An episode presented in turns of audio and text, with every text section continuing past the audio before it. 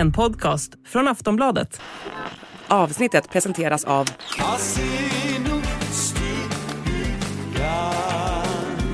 Stödlinjen.se, åldersgräns 18 år. I det här avsnittet svarar vi på alla era lyssnarfrågor. Vilka är prinsens exflickvänner och varför är kronprinsessa Mary så sorgsen i TV? Blir livvakterna nära vänner till Victoria och Daniel när de umgås dygnet runt? Eller hur fungerar det? Vi svarar även på frågan vad som händer om kungen väljer att abdikera. Det här är Kungligt. Jag heter Sara Eriksson. Och jag heter Jenny Alexandersson.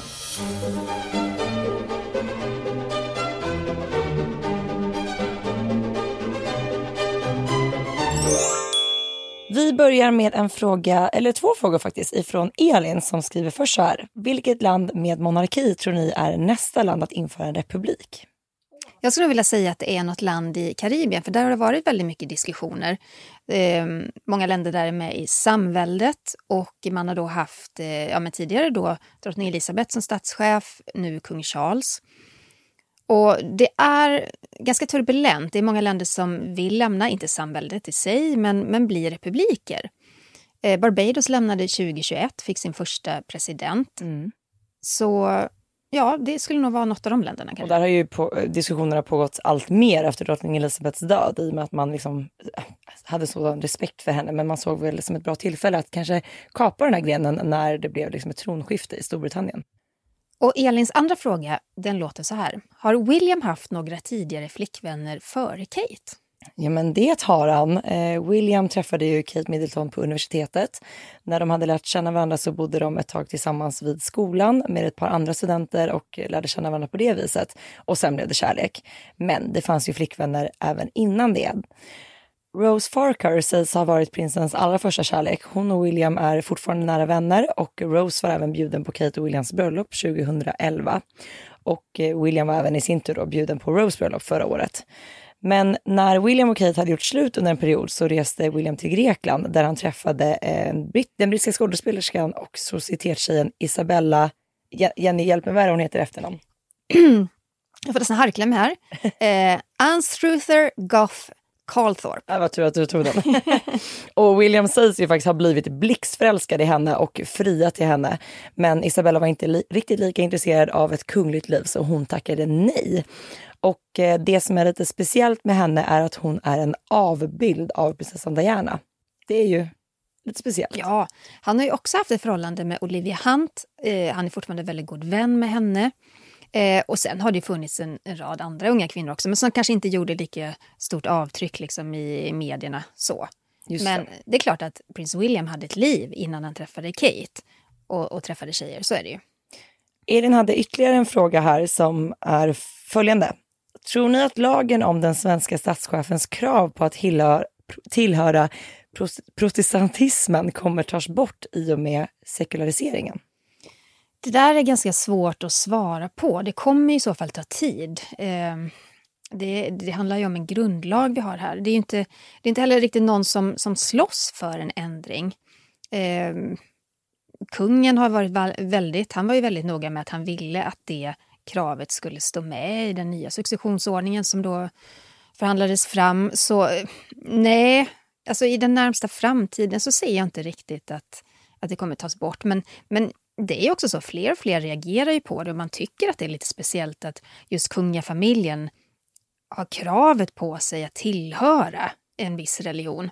Och vi lever i ett samhälle där, där man i övrigt blir ganska mycket mer friare. Det finns religionsfrihet i, i väldigt många länder.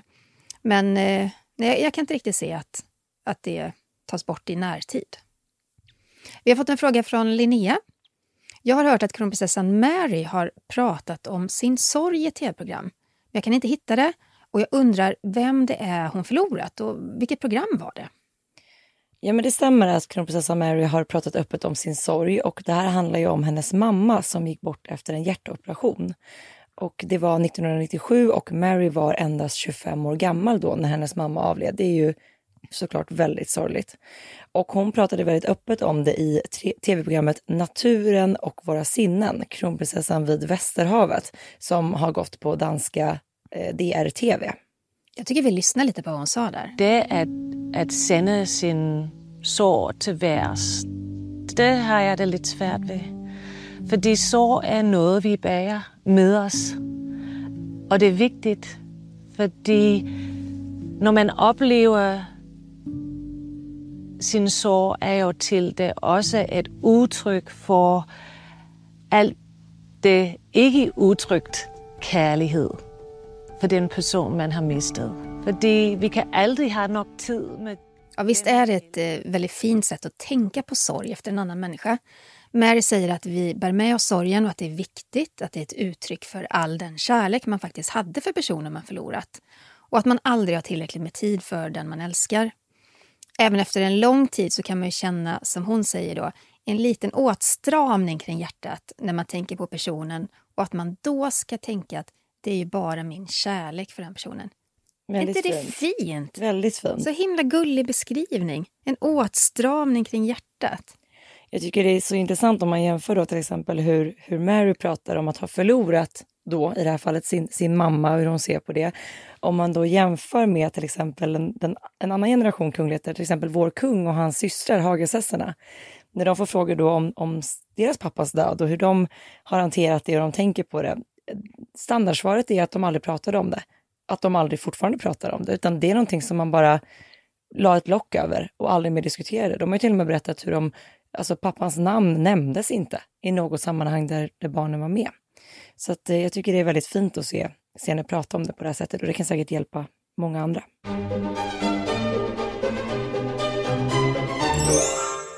Vi har fått en fråga från Maja som skriver så här. Hej och tack för en toppenpodd. Tack själv Maja. Tack. Jag noterade nu under Nobel att broscherna de kungliga damerna har med kungens porträtt på är ju olika porträtt. Jag trodde alla hade samma, kanske det senaste. Men drottningen har en bild på en betydligt yngre kung än vad till exempel Victoria har. Hur kommer det sig? Får man en brosch en första gång som man sen aldrig byter ut, undrar även Maja. Åh, vad spännande fråga. Den här broschen som Maja pratar om, det är en agraff. Det är en slags eh, familjeorden som bara kvinnliga medlemmar av kungafamiljen bär. Drottningen och prinsessorna de bär liksom ett miniatyrporträtt av kungen som är inramat av briljanter och ligger liksom på, eller i ett blått band. Och Det är samma blå färg som Serafimerorden. Och då bär man den här agraffen till högtidsdräkt, alltså galaklänning, när det är full fest. Och den ska fästas i klänningens liv på bärarens vänstra sida nära hjärtat. Det är ju lite fint ändå. Och ja, det är så att man får en agraff med ett porträtt av kungen så som han ser ut då när man får det. Och det behåller man ju sedan. Man, man byter liksom inte ut det där utan eh, det, det är samma resten av livet. Apropå agraffer så fick jag faktiskt många frågor på mitt Instagramkonto gällande det när det var en mottagning på Buckingham Palace för en tid sedan här innan jul. Då såg man ju att alla kungliga damer fortfarande bär porträtt av drottning Elizabeth. Att de alltså inte har bytt ut dem mot kung Charles som är liksom sittande monark nu, utan man bär då drottning Elizabeth på bröstet. Och där ser man ju också olika porträtt. Jag menar, prinsessan Anne har ju ett porträtt på en betydligt yngre drottning Elizabeth än vad Kate har till exempel. Mm. Men det där tänker jag kommer bytas ut med tiden när man då får, vad ska man säga, äran att få bära kungens porträtt. Precis.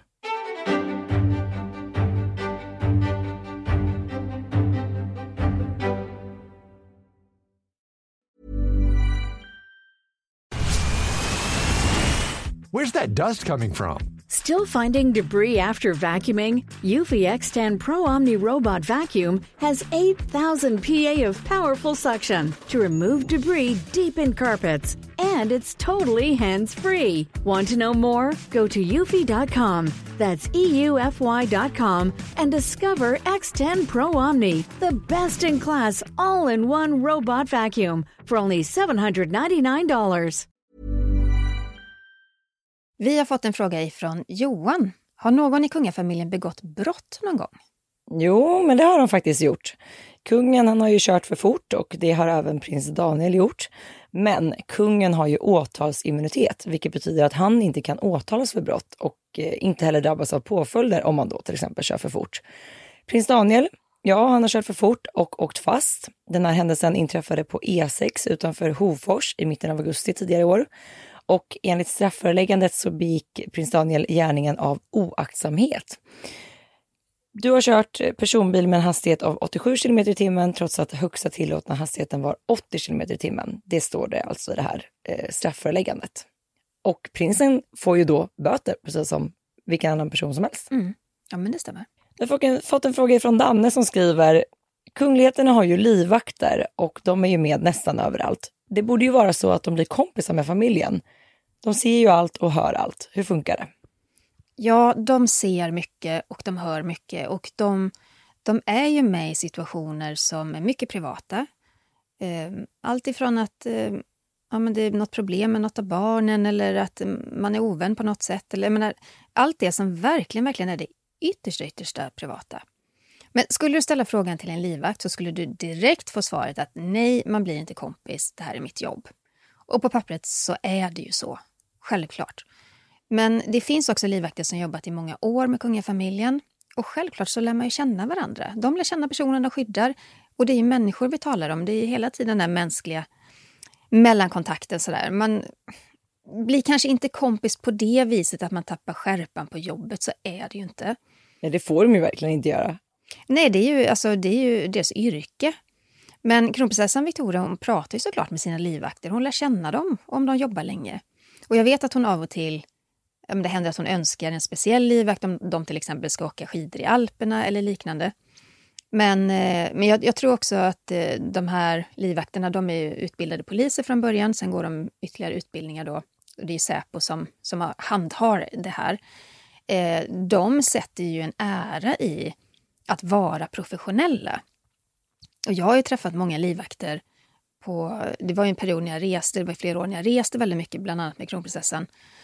Eh, och där ser man direkt liksom när de kopplar på jobbet, då går det inte att få kontakt med dem riktigt på det viset, för då har de superkoll mm. på omgivningarna.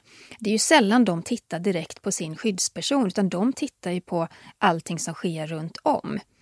Och där är det ingen idé att säga hej, tjena, utan de, de, är liksom på jobbet när, det är så. Såklart. Sen har de ju, när man reste med kronprinsessan då, så hade hon ju ofta två team med sig för att i och med att det är verkligen sånt intensivt jobb så måste de också jobba i skift och de byts av liksom.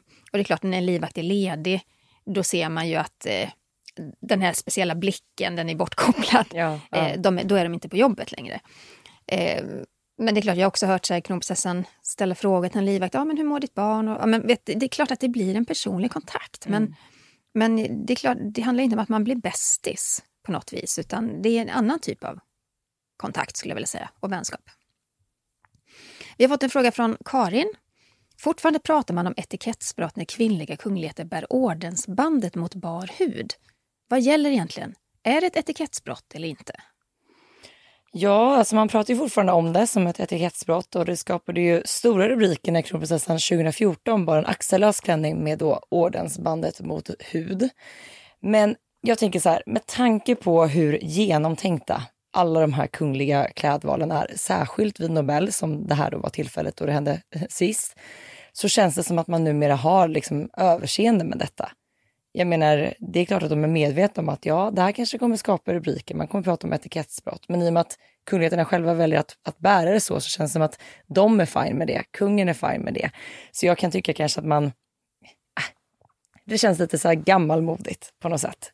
Ja, och det här kommer ju från stadgarna av Serafimerorden. Det är därifrån eh, det finns någon formulering då att det inte ska vila mot bar hud. Eh, men vi lever också vi lever också idag, de här stadgarna skrevs för så länge sedan, att eh, ja, man kan tumma på det. Jag tyckte det var så snyggt när prinsessa Madeleine senast var med vid Nobel, det var ju 2019. Då bar ju hon en rosa, chockrosa klänning och när hon först gjorde entré, ja men då var man snabb på att tänka, nu begår hon etikettsbrott, nu ligger det mot bar hud. Sen såg man, nej, nej, nej, nej, ett mycket, mycket tunt genomskinligt tyg eh, fanns där på axeln. Så gjorde hon icke. Snyggt gjort. Mm.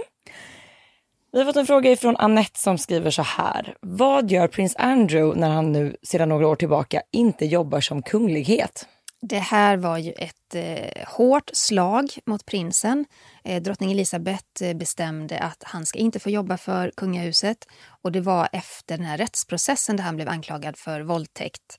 Eh, en ung tjej, bara 17 år gammal, hävdade att eh, då var hon 17 år gammal, att hon tvingats ha sex med prinsen vid tre tillfällen.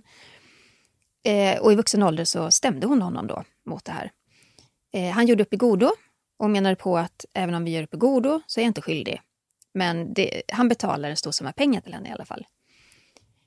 Jag tror att det är så här att han försöker hitta sin plats. Eh, en del brittiska tidningar hävdar ju att han försöker att ta det här steget in i kungafamiljen igen. Att han satte sitt hopp till att hans mamma eh, då liksom ersattes av hans bror och kanske att kung Charles skulle vara mer mjuk kring den här situationen. Men än så länge så är det faktiskt så att han fortfarande han står utanför kungahuset på det viset. Han jobbar inte och representerar inte.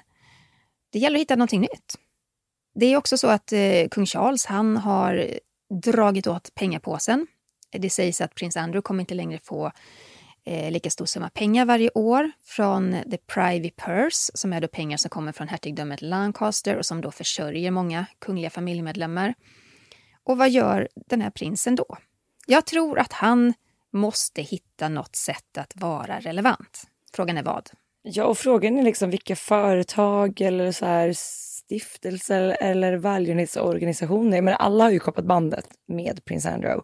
Och frågan är då vilka som liksom är beredda att släppa in honom i värmen igen. För jag menar, oavsett att han så här kanske ses som oskyldig av vissa och av andra inte, så har han ändå den här stämpeln i och med att han, han har ju faktiskt varit god vän med Jeffrey Epstein. Och den går inte att tvätta bort.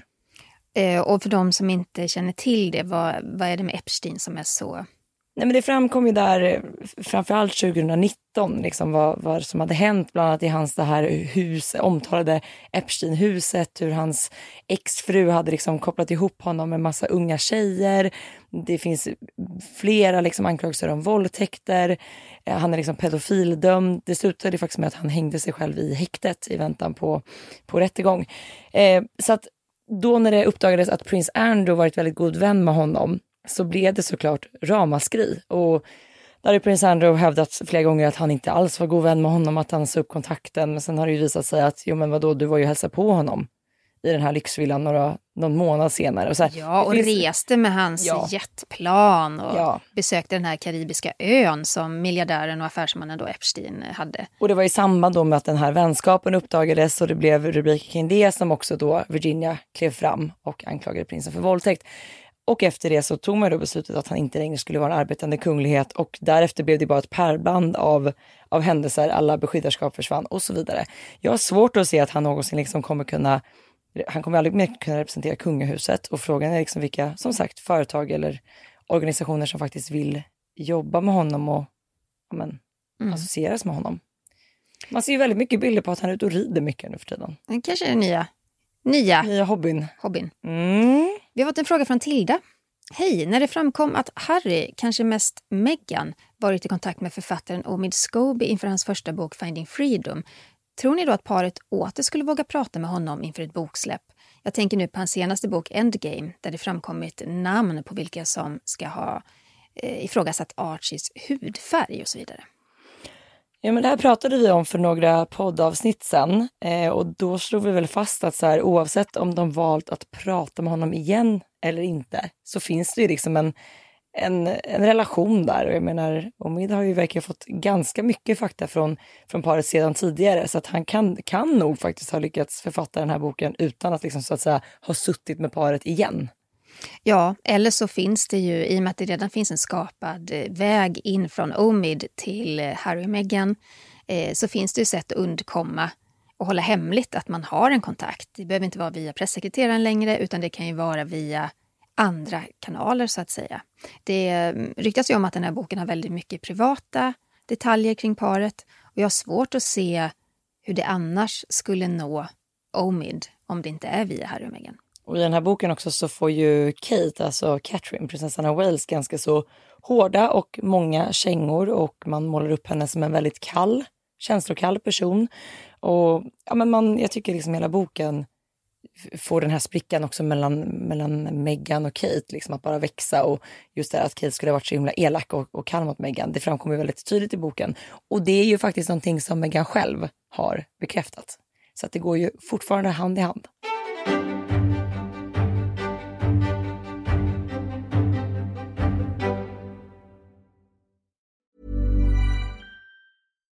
Botox Cosmetic, out of botulinum toxin A, FDA approved for over 20 years. So, talk to your specialist to see if Botox Cosmetic is right for you. For full prescribing information, including boxed warning, visit BotoxCosmetic.com or call 877-351-0300. Remember to ask for Botox Cosmetic by name.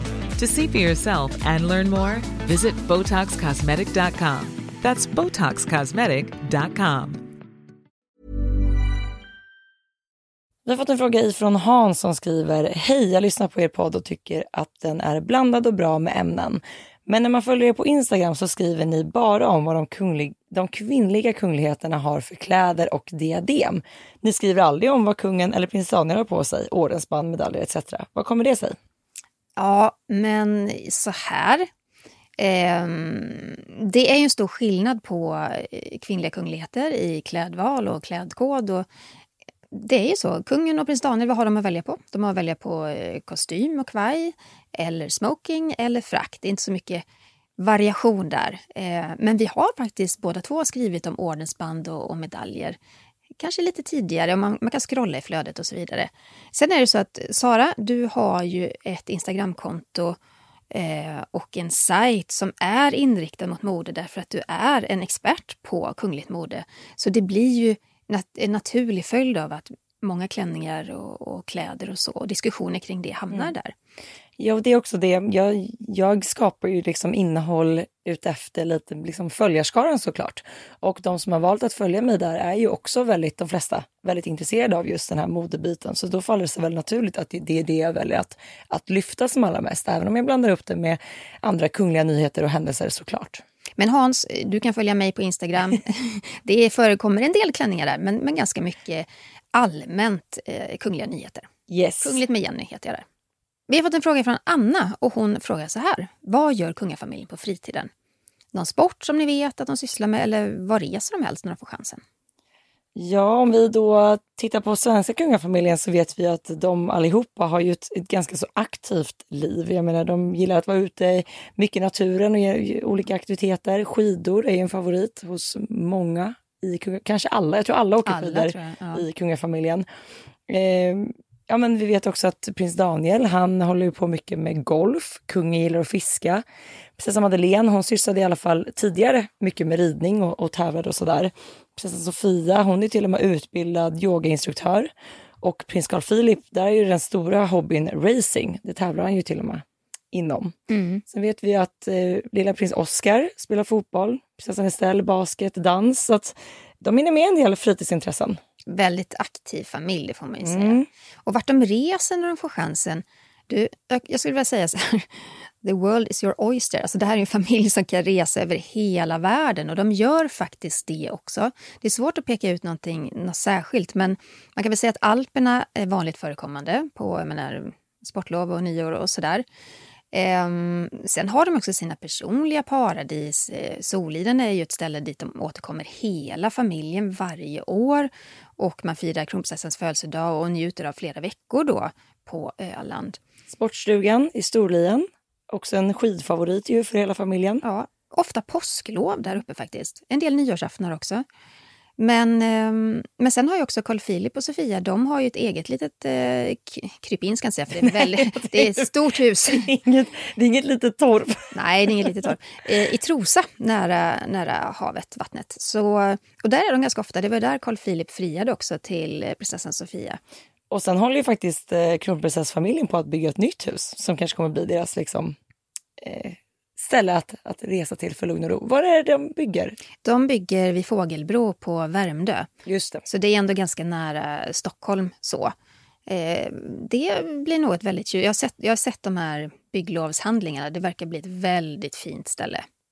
Apropå, Vid havet, vid havskanten. Vid havet, ja. Apropå skidor, jag kommer ihåg när jag var i Verbier, jag tror att det var 2019, eh, blev jag väldigt förvånad. Vi satt och käkade en lunch på en hamburgerrestaurang och in kom faktiskt prins Carl Philip med några vänner. Ja, Så, och skulle också käka burgare där. Så det var lite kul apropå att så här, de gillar att åka iväg och åka skidor. Det har jag sett själv med egna ögon. ja, jag också. Mm. Jag var i Verbier med, med eh, Peter, en fotograf. Vi skulle eh, dokumentera Victoria Daniels resa dit. Sånt där händer ibland, inte så ofta nu längre, men, men då, det här är säkert 13-14 år sedan. Och det är klart att vi träffade ganska snabbt på Victoria och Daniel och deras livvakter.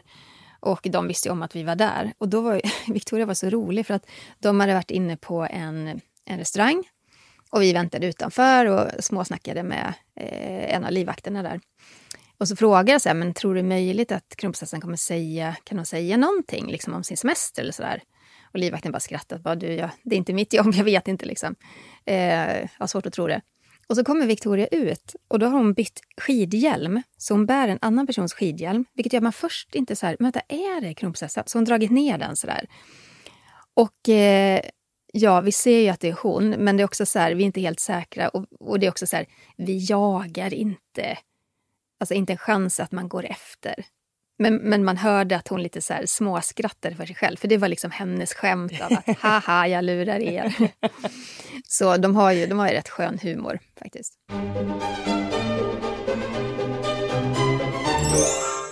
Vi har fått en fråga från Elin som skriver så här. Hej, vad kommer det sig att menyerna ofta är skrivna på franska i kungliga sammanhang? Alltså då pratar jag om matmenyerna. Mm.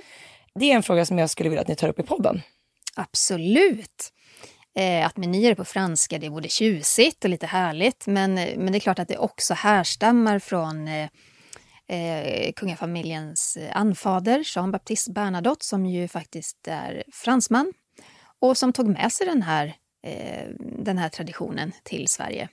Eh, det är alltid så att menyerna är skrivna på franska och det kan ju vara lite komplicerat. För... Jag tänkte precis säga Om jag skulle få en fransk meny här, skulle inte ha någon aning om vad jag stoppar i munnen. Nej, men, men det har också sin charm på något sätt. Det är, det är tradition. Mm. En fråga från Erik. Vad händer om kungen väljer att abdikera? Vad blir hans roll då och blir kronprinsessan direkt drottning då och prinsessan istället kronprinsessa? Ja, vi ska väl börja med att säga att i de nordiska kungahusen så finns det ju ingen tradition eh, när det kommer till just att abdikera till förmån för en, en dotter eller son, utan här ser man ju sitt sin roll som kung eller drottning som ett livsuppdrag och det är ju både vår svenska kung och drott, danska drottning Margrethe väldigt viktig, eller så att de belyser ofta det, de säger ofta det i intervjuer och så, att man ser det som ett livsuppdrag. Så att vi kan nog inte, så länge kungen har hälsan i behåll så kommer vi inte se honom abdikera. Men om man då skulle vilja göra det, då är det ju kronprinsessan Victoria som kommer att bli landets drottning. Blir hon det direkt på sekunden?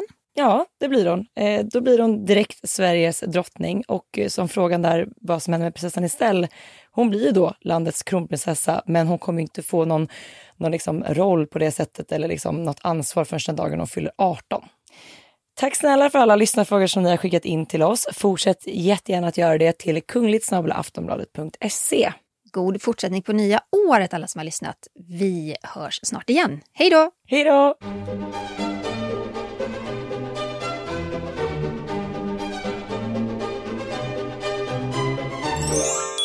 Du har lyssnat på en podcast från Aftonbladet.